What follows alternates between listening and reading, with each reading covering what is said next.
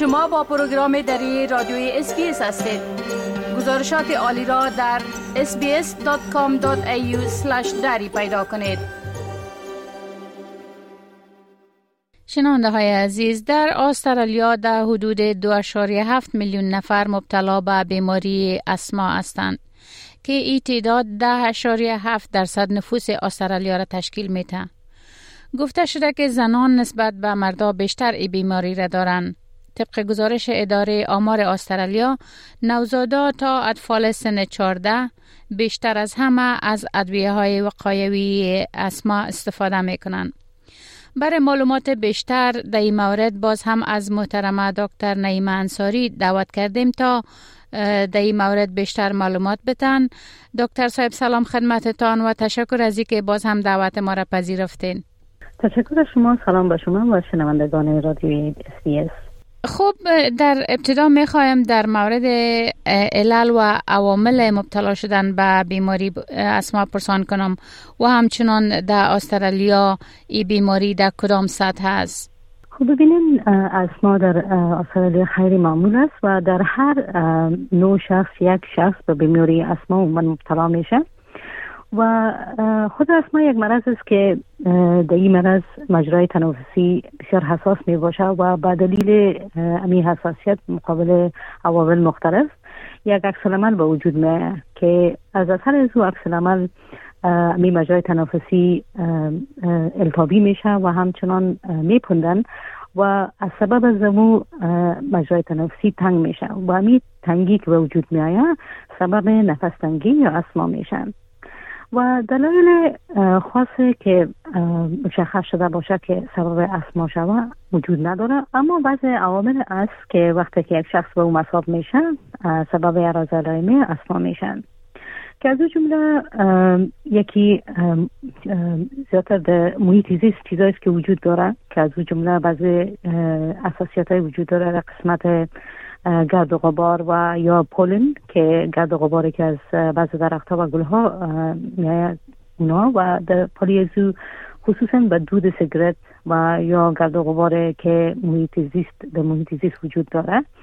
یا بعضا اوقات تغییراتی که در هوا می در آب و هوا مثلا هوای بسیار سرد یا در فصل بهار و بعضی وقتا ورزش و و بعض وقتا بعض مواد کیمیایی مثلا بوهای مختلف که در به شکل اطرا می باشه اینا هم همش امکان ممکن که سبب عرض علائم اسما شوند.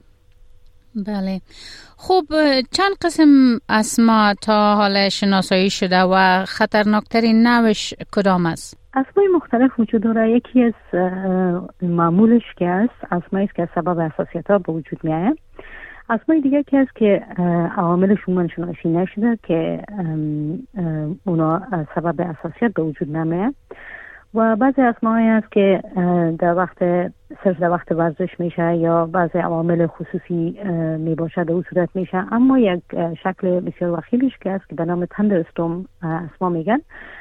او بسیار خیلی خطرناک است که خصوصا در فصل بهار وقتی که خصوصا بعض شمال یا میوشه و سبب همین هایی که از نباتات و از بعض گل در محیط زیستیت میشه اینا وقتی که داخل مجرای تنفسی میشن یک عکس عمل بسیار شدید بار میارن و یک اسمای بسیار شدید به یک شکل حمله شدید صورت می‌گیره که مریض بسیار با مشکل مبتلا میشه و اگر به وقت درست مناسب به مراجعه نکنن در ممکن نتایج وخیم داشته باشن بله تشکر. خب آیا تداوی برای از بین بردن کامل اسما و معافیت کامل از این بیماری وجود داره؟ خب متاسفانه که تداوی کامل وجود نداره. به این مانا که تداوی نیست که اسما کاملا از بین بره. اما خوشبختانه تداوی وجود داره که توسط از ما می‌تونیم که اسما رو زیر کنترل قرار بدیم. خب ادویجات هست که زیادتر همه کسایی که اسما دارن به او آشنایی دارن که به شکل پسر هستن و وقتی که از استفاده درست به وجود بیاید می‌تونیم که مرض اسما را تحت کنترل نگاه کنیم. و این به این است که یک شخص که به مرض اسما مبتلا میشه اگر تداوی خود به شکل درست پیش ببره می‌تونه که با وجود مرض اسما یک زندگی با کیفیت با کیفیت بتونه سپری کنه. بله تشکر. خب بعضی وقتا مریضی که asthma داره وقتی که این حالت سرش میایه یک کم دست پاچه و ورخطا هم میشه. در حالت عاجل مریض مصاب به asthma چی باید بکنه؟ خب ببینید هر کسی که asthma دارن من وقتی پیش دکتر فامیلی خود میرن دکتر فامیلی یک چیزی به نام asthma action plan درشان میده. که زیادتر طفلاش دیده باشن طفلای هستن که یک action plan باید مکتب خود ببرن یک کپیش در مکتبشان می باشه و یک تا خانه. دکتر فامیلی برای هر شخص که مخصوص خود امو شخص نسبت به که چقدر اعراض علائمش است یا کدام ادویجات استفاده می‌کنه با مریض شیشته امو یک action plan می‌سازن. و بسیار مهم است که وقتی که همچون یک حمله میایه از امو action plan استفاده کنن. و در این action plan من نشان داده میشه که یک asthma چطور یک شخص می‌فهمه بفهمه که asthma ی زیر کنترل است و چی وقت می‌فهمه که asthma ی زیر کنترل نیست و وقتی که زیر کنترل نمی باشه و یا حمله شدید میشه چطور می‌تونه که خودش یا فامیلش براش کمک کنه.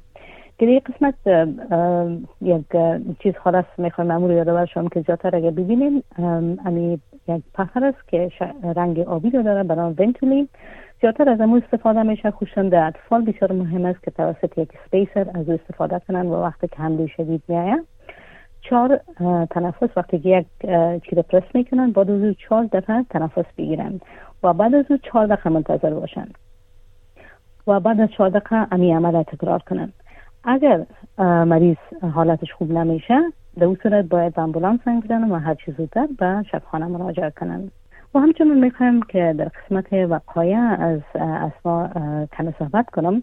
خب تداوی خو قسم که داشتم که تداوی وجود داره اما از تداوی که مهم وقایع بسیار مهم است.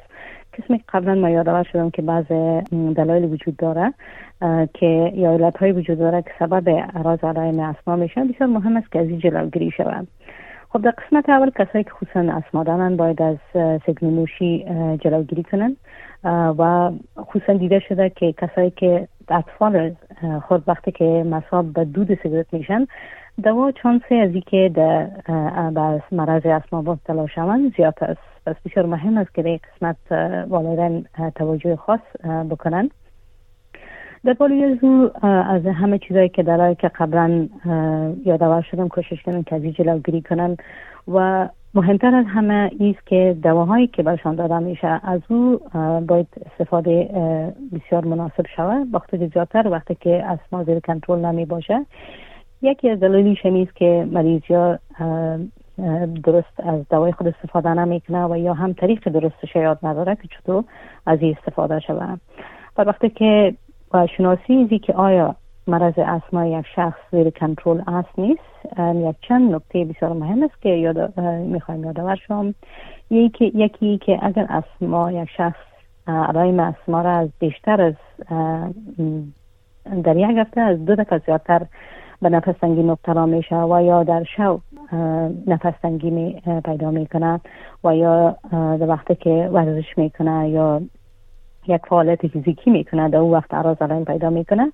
این یک علامه است که اسمایشون زیر کنترل نیست و در اون صورت بهتر است که پیش دکتر جی پی خود یا دکتر فامیل خود برن تا که یک ارزیابی درست شوند و دکترشان بتونه که یک مشوره درست یا چه پیدا کنه که چرا که اسمایشون زیر کنترل نیست؟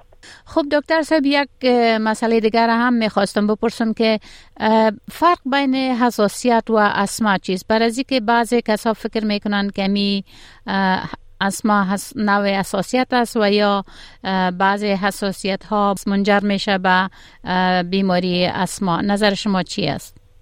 خب اسما و اساسیت یک ربط بسیار نزدیک با دیگه دارن. من کسایی که اساسیت دارن ممکن به مرض اسما مبتلا شوند.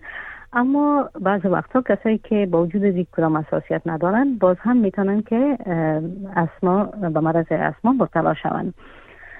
و کسای خصوصا کسایی هستن که در فامیل مثل یک هرسیوری است در فامیل که بعضی کسا هم تکلیف جلدی دارن در پولویش مثلا نزله بهاری دارن و هم اسما را تکلیف اسما هم می داشته باشن.